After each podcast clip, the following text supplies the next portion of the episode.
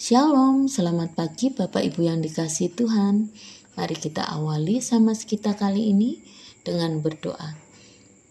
Bapa kami yang di surga, sungguh kami mengucap syukur atas segala kebaikan-Mu, sehingga kami boleh kembali datang menghadap-Mu, Allah yang penuh kasih dan kemurahan. Bimbing kami ya Tuhan pagi ini untuk mengerti dan memahami hatimu. Di dalam nama Yesus Kristus kami berdoa dan mengucap syukur. Amin. Bapak Ibu yang dikasih Tuhan, renungan kita kali ini berjudul Diberkati untuk memberkati yang terambil dari Yakobus 5 ayat 1 sampai 5. Peringatan kepada orang kaya. Jadi sekarang, hai kamu orang-orang kaya, menangislah dan merataplah atas sengsara yang akan menimpa kamu. Kekayaanmu sudah busuk dan pakaianmu telah dimakan ngengat.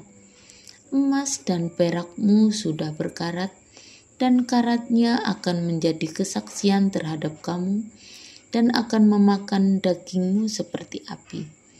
Kamu telah mengumpulkan harta pada hari-hari yang sedang berakhir Sesungguhnya telah terdengar teriakan besar karena upah yang kamu tahan dari buruh yang telah menuai hasil ladangmu dan telah sampai ke telinga Tuhan semesta alam keluhan mereka yang menyapit panenmu.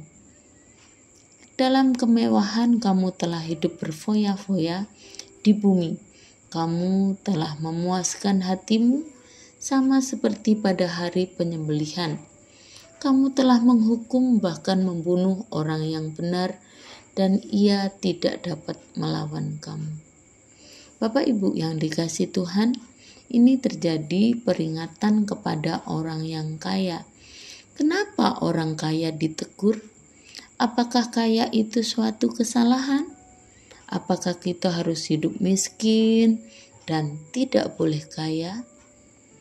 Bapak Ibu yang dikasih Tuhan, ayat ini hampir mirip tetapi tidak sama persis dengan peringatan yang ada pada Injil Matius pasal yang ke-6 ayat 1. Di situ dikatakan, ingatlah, ini juga peringatan ya. Janganlah kamu melakukan kewajiban agamamu di hadapan orang supaya dilihat mereka. Apakah berarti tidak boleh melakukan kewajiban agama kita di depan orang? Bukan. Tetapi ternyata ada alasan penyerta di sini yaitu motivasinya pengen dilihat orang. Dalam ayat yang kelima Matius pasal 6 juga dikatakan dan apabila kamu berdoa berdoa jangan berdoa mengucapkan doa dengan berdiri dalam rumah-rumah ibadat dan pada tikungan-tikungan jalan raya supaya mereka dilihat orang. Nah, apakah kita tidak boleh juga berdoa sambil berdiri di rumah ibadah? Soalnya di sini dikatakan jangan mengucapkan doa dengan berdiri di rumah ibadah. Bukan itu, tapi ternyata ada alasan penyertanya. Alasannya apa? Ternyata mereka berdiri karena atau supaya dilihat orang. Jadi ada motivasi tersembunyi sehingga hal inilah yang diperingatkan oleh Tuhan. So, jadi Kenapa orang kaya ini diperingatkan Tuhan?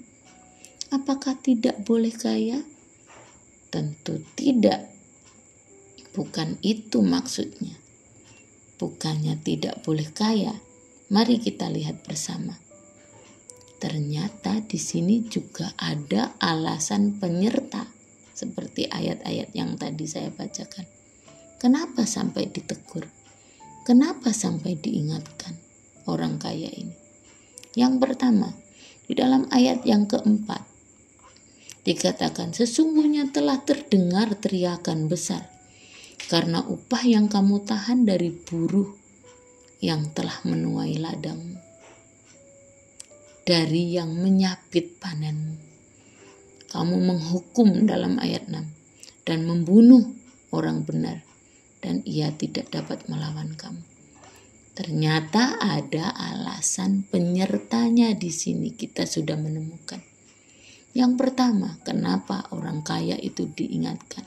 Bukan karena tidak boleh kaya, tetapi karena dia mengumpulkan hasil kekayaannya dengan cara yang tidak benar. Menipu, memeras, merugikan orang lain, melakukan kecurangan. Bapak Ibu, dari ayat ini kita mau belajar. Mari kita mencari penghasilan dengan cara yang benar dan berkenan kepada Tuhan. Yang kedua, apakah ada alat uh, alasan penyerta lagi? Ternyata benar. Ada alasan penyerta kedua Kenapa orang kaya ini diingatkan? Dalam ayat 5 ternyata hasil kekayaannya dipakai untuk foya-foya, dihamburkan untuk memuaskan hatinya, membuang-buang uang untuk sesuatu yang tidak penting. Dan itu sudah menjadi kebiasaan atau habit. Bapak Ibu yang dikasih Tuhan, Tuhan tidak inginkan kita menghamburkan uang untuk sesuatu yang tidak penting. Memiliki kebiasaan berfoya-foya. Tuhan ingin mari kita melihat sekeliling kita. Milikilah hati seperti hati Bapa yang penuh dengan belas kasihan. Lihat orang-orang yang di sekeliling kita yang mungkin masih berkekurangan jadi bukan hanya memikirkan diri kita sendiri saat kita berkelebihan. Jadilah berkat saat engkau diberkati. Jadilah jalan saat engkau sudah mengenal jalan kebenaran. Jadilah terang saat engkau sudah mendapatkan terang itu. Mari sama-sama kita menjadi berkat bagi sesama. Amin firman Tuhan.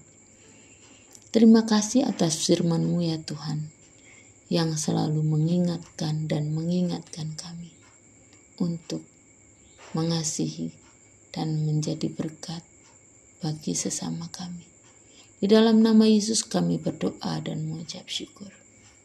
Amin.